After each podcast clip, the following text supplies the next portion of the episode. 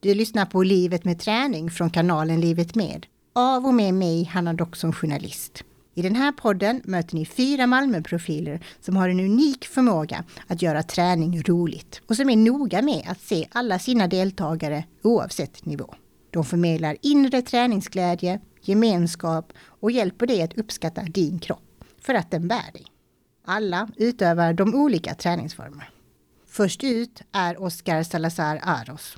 För honom blev träning tidigt en fråga om hjärta och helhet, oavsett träningsform. Jag följde med min pappa alltid på hans träningar i fotboll.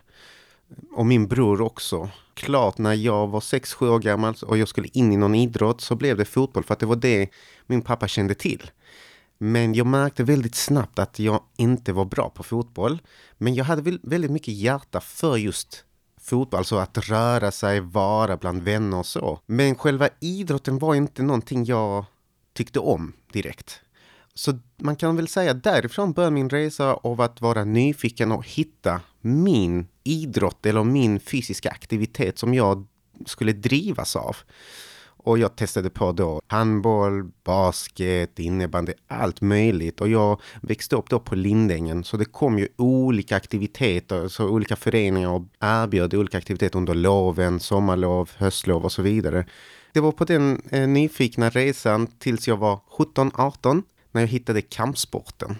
Idag pratar polisen ofta just när det gäller gängkriminalitet och hur samhället ser ut idag, att det saknas förebilder i samhället idag. Hur var det på din tid? Jag hade nog eh, sagt eh, att eh, då min pappa har varit en stor förebild, min mamma också varit en stor förebild. Min lärare på Lindängsskolan, Kostas heter han, han var också en stor förebild för mig. Vad gjorde honom speciell? När jag gick i skolan så var jag inte den busiga eh, eller så, men jag var den som eh, gillade att skoja och skrattade jättemycket hela tiden. Så det var väl lite störmoment i klassrummet. Så jag satt alltid längst bak med alla mina vänner. Och en dag säger då Kostas till mig att jag ska sätta mig längst fram för att bara se honom och ingen annan. Han gjorde inte på något aggressivt sätt eller liksom jag orkar inte med det, inte den utan bara han, det var någonting han märkte att jag skulle så upptäcka av mig själv när jag satt där framme och det var just att jag var det auditiva, att jag, hur jag lär mig saker genom att lyssna och se. Så han insåg väl att om jag sitter där bak så kommer inte jag lära mig någonting. Men om jag är där framme då eh, kunde jag faktiskt lära mig att ta till mig allt som sades. Han eh, pratade väl mycket om helheten just av han sa alltid jag är en kosmopolit. Och just när man går årskurs sex, vad, vad är det för något? liksom. Men sen eh, blir man äldre och förstår, han förklarade lite mer och så. Men då får man förstå att han, han såg inte bara skolan och elever i det lokala. Utan han ville få oss att se helheten av just hela mänskligheten. Av hur vi kan bidra och vilka vi kan vara där ute. Men vad gjorde det med dig att någon såg dig i skolan? Självklart bekräftelse. Och har man en bekräftelse och då ökar man också en motorkraft i sig själv. Att man har en självkontroll. Och den självkontrollen gör ju att man kan engagera sig mer. Alltså man är nyfiken på att läsa mer av det. För att nu fick jag den här bekräftelsen. Ah, nu lär jag mig något. Nu vill jag lära mig av min egen vilja. Och det gör ju att jag blir engagerad mer i det. Så det är väl den bekräftelsen och har väldigt lätt att prata med. Jag hade väldigt lätt att prata med. Jag hade väldigt mycket, såg honom väldigt mycket som hur min pappa var med mig och hur min farfar levde också sitt liv. Så det, jag såg många kopplingar med honom och med min familj. Bemötandet som du beskriver där med din lärare, är det någonting som, jag tycker det är jätteintressant, är det något som du undermedvetet tar med dig? Att jaha, så här känner jag mig bekräftad. Det skulle jag vilja ge till andra människor. För det är min bild när jag har tränat med dig Oskar, att du har den förmågan. Och det är ju något jag tänker man lär sig, eller har jag fel?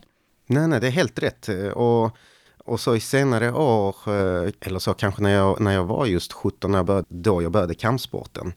För att om vi går in i, i fotbollens värld, då är vi lag. Men det finns också en känsla om att du är ensam i det här stora laget. Men i kampsporten, när du ska då gå in i matchen, då är du ensam med en motståndare. Men du känner en lagande av alla som har varit i din närhet, som är i din ringhörna, som stöttar dig för att du står där själv så att säga. Eller jag kände i alla fall att jag hade mer av lagandan i kampsporten än i fotbollen. Det fick man mer eh, medveten, eh, medveten att man aldrig är ensam. Utan man alltid har någon som man kan eh, luta sig åt och man kan prata med och, och alltså lita, alltså bygga en tillit. Men också detta att den tilliten är inte bara att jag ska hålla i handen utan tilliten är att du håller i handen för att du ska kunna stå på dina egna fötter. Och när du behöver tilliten igen, då har du det. Men kampsport, Oskar, kan du berätta lite? Det låter våldsamt, men är det våldsamt? Jag är den som anser att eh, fotboll, ishockey är mer våldsam än vad kampsport är.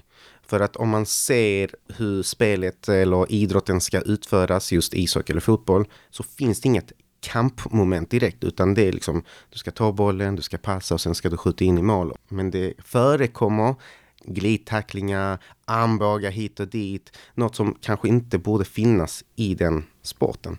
Så det perspektivet gör också att det blir mer våldsamt. Inom kampsporten, då är vi med på alla regler. Vi vet vad som gäller.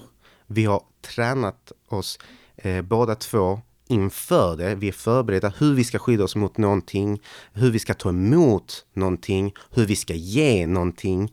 Så vi är mentalt förberedda och fysiskt förberedda för det, vilket gör att det finns mer säkerhet och mindre risk för skador. Sen förekommer det självklart, det, det är liksom eh, hårda slag, hårda sparkar och så, så förekommer skador självklart. Men statistiken har också visat att det finns fler skador i andra idrotter än i kampsporten. Om jag förstår det rätt, alltså nästan som ett skådespel, man övar olika situationer. Och sen vet man inte vilka som kommer, men man har övat in typ 50 olika. Men exakt så, det, det, det blir eh, att du försöker läsa av den andres rörelsemönster. Så du har lärt dig vad eh, en kombination gör. Och du har också lärt dig vad du ska, hur du ska försvara dig och eh, ge tillbaka från det. Från dig. Så du bara, du bara väntar in till det mönstret kommer för att du ska också då kontra med det du har lärt dig att kontra med från det mönstret. Men vad krävs det för förutsättningar för en kropp som ska träna kampsport? Jag hade nog sagt alltså att det, det, det, ska vara mer mentalt. Alltså kroppen kan man ändå träna på olika sätt. Jag kan gå tillbaka då till den här första dagen jag klev in i träningslokalen. Jag var 17-18 år som sagt och um, att en vän kände någon i uh, kickboxningsklubben där jag började därefter och vi testade på och ah, men jag vill jag vill fortsätta med det här. Det var inte träning direkt utan bara enkelt testa på. Men jag kände där, men jag vill verkligen testa på. Så jag gick dit nästa dag. Uppvärmning brukar vara 15 minuter. Jag orkade med kanske 2-3 minuter av det. Jag behövde gå ut och vila. Så jag sprang genom hela korridoren och höll för munnen för att jag visste att det fanns toalett i omklädningsrummet. Jag minns att jag sa detta till min pappa då, när, efter den träningen, att det, det är något eh, märkligt jag, jag, det känns som att det är någon, någon ny slags revolution inom mig efter den här första uppvärmningen på tre minuter, vad det nu var. Jag kände bara något, något helt nytt av mig, en ny sida av mig. Så det var inte att det var utmanande eller att det var liksom tuff eller något sånt. Utan det var bara, det är något nytt som jag inte kan förklara. Jag vill bara testa på det mer. Och det är det jag gjorde därefter. Så det var tre minuter första dagen, klarade inte uppvärmningen. Jag stannade hela passet och såg hur allt fungerade. Nästa dag var jag där eh, tio minuter innan de skulle öppna dörren. Och då orkade jag då 15 minuter av uppvärmningen. Och sen började jag bygga på så. Men hur togs ditt sätt att eh, ta dig an den här sporten emot liksom? Jag fick ta den tid det tog, men jag upptäckte också att jag hade talang för det. Så jag lärde mig snabbt sakerna, så det, min utveckling, utveckling gick väldigt fort där. Sen ska jag vara tacksam och det var ett privilegie till den just klubben jag kom till. Där det var eh, en, en klubb som arbetade mot machokulturen som fanns i kampsportsvärlden. Det var många aktivister också som tränade där. Så där var jag ändå ganska privilegierad i att få uppleva den atmosfären, den miljön i kampsportsvärlden. Det var aldrig något skrik eh, där man nedvärderade någon Eh, som skulle då ta i lite mer, eller det här klassiska eh, som man hör kanske i fotbollen, sluta vara en kärring eller något sånt. Det fanns inget sånt i, i den eh, klubben. Alltså det är någonting jag reflekterade efter, efter jag hade börjat. Där. Bara, men det gjorde också med mig att jag blev trygg i det. Även om jag inte klarade De lyfte upp mig och gav mig positiv feedback alltid.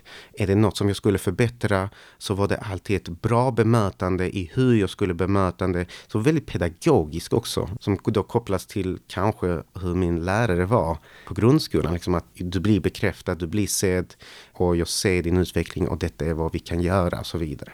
Men hur ovanlig är den alltså icke-macho-inställningen tänker jag? Alltså rent historiskt så har den ju en machokultur i sig och den har präglat ganska hårt i många kampsportsklubbar och sånt. Men det finns också väldigt många kampsportsklubbar som har ett motstånd till det.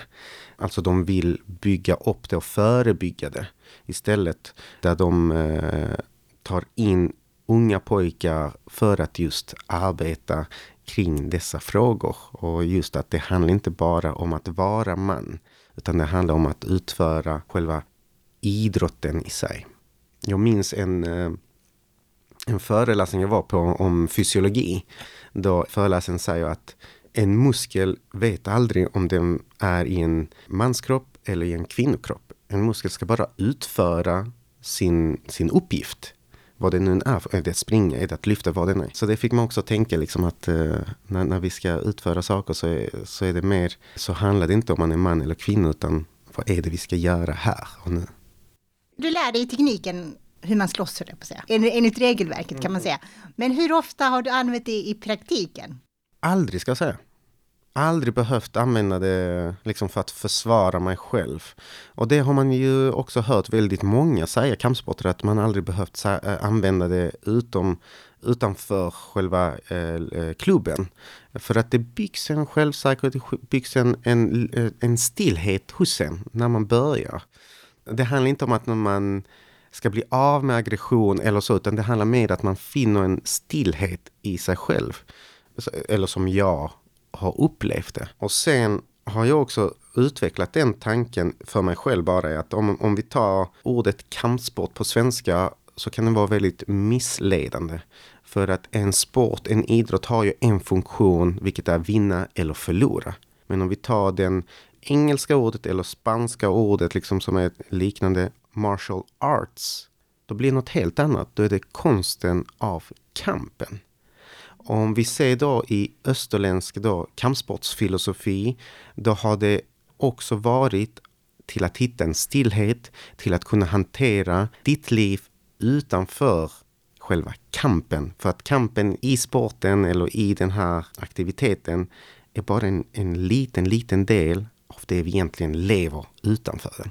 Och det är väl där liksom den, den kampen som vi måste hitta stillhet i är liksom i vårt liv. Så att vi inte går liksom aggressivt ut till den. För att då vet vi, är vi aggressiva mot den så kommer livet alltid vinna över oss.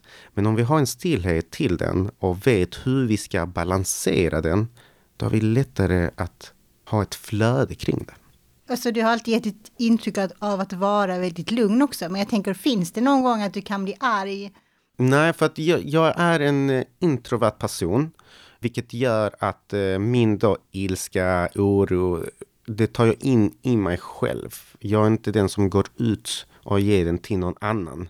Och det har också gjort att jag har övat in liksom så att den här ilskan, irritationen som jag har i stunden inte ska bara byggas inom mig och sen bara explodera utan man finner sina vägar och då har träning varit min väg för att balansera det och kunna hantera känslorna. Och det handlar inte om att gömma undan känslorna som man har, utan mer att ha en medvetenhet om de känslorna man bär på och vart de kommer ifrån, eller tankarna, var kommer de ifrån och vad kan jag göra åt det? Så det är en stund av att reflektera och verkligen skapa en, en plan av den där kartläggningen man har gjort, man har inom sig. Jag ska tycka om det, jag tycker det är kul och eh, jag ska ha det bra med de som är med i det. Så de bitarna har jag alltid haft med mig. Är det någon annan kampsport som du kommer utöva under den här unga perioden eller är det? Jag började med kickboxning, eh, tävlade inom det. Därefter eh, gick jag över då till thaiboxning. Har inte tävlat i den, men jag ville lära mig mer om just thaiboxning för att det är två helt olika grenar. Kickboxning, slag och sparka. Thaiboxning, slag, sparka, knän, armbågar. Så, man, så enkelt sätt är det som skiljer sig. Sen finns det andra saker, men bara på ett enkelt sätt med vilka delar av kroppen man får lov att använda i utövandet av det. Men vi talar också smärta här, uppenbarligen. Yeah. Hur, hanter, hur hanterar du din smärta, Oskar? Det som sagt, man, man förbereds mentalt i det. Och eh, självklart, den, den mentala tröskeln som man övar in där blir med den fysiska kroppens kapacitet. Så den hjälper dig att stärka den mentala biten. Det kommer göra ont nu och kanske inte just i stunden utan efteråt kommer det göra ont ju för att du har adrenalinen eh, när du är där. Du är väldigt fokuserad. Du är bara i stundens eh, ögonblick. Efter när allt är över då bör du kanske känna lite mer av smärtan här och var. Men annars så är det just att när du tränar, när du förbereder dig, hela den processen. Det är där du eh, höjer tröskeln för just smärtan. Att du testar dig hela tiden. Nu är jag trött eller nu har jag inte hunnit äta. Det är också en träning eh, när du är i den träningen. Hur mycket orkar jag? Och det är också en förberedelse för att vi vet aldrig vad som kommer att hända om vi tar nu bara mat matchdagen. Det kanske händer att du inte hinner äta. Men om du redan har övat in det då, då blir det inget nytt som du är oförberedd för i, på matchdagen.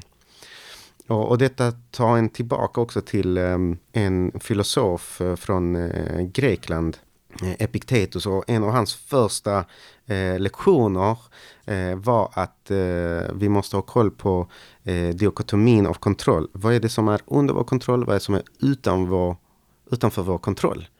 Och det han kommer fram till är att det som är utanför vår kontroll, det är även vår kropp. För att vi kan bryta handen. Det har inte vi räknat med och vi kan inte göra någonting åt det. Vi måste leva med den tills den har då blivit hel igen. Det vi har kontroll över är just våra känslor, våra tankar och våra handlingar. Det är det vi har kontroll över. Det är det vi måste fokusera mer på än bara om vi nu har brutit handen, att bara lägga all tid på den brutna handen. Så vad kan vi göra åt detta istället? Du har lyssnat på Livet med träning. I nästa avsnitt berättar Oskar om vilken väg han gick för att utbilda sig. Följ gärna kanalen på att Livet med poddserien på Instagram. Producent är jag, Hanna Doxon.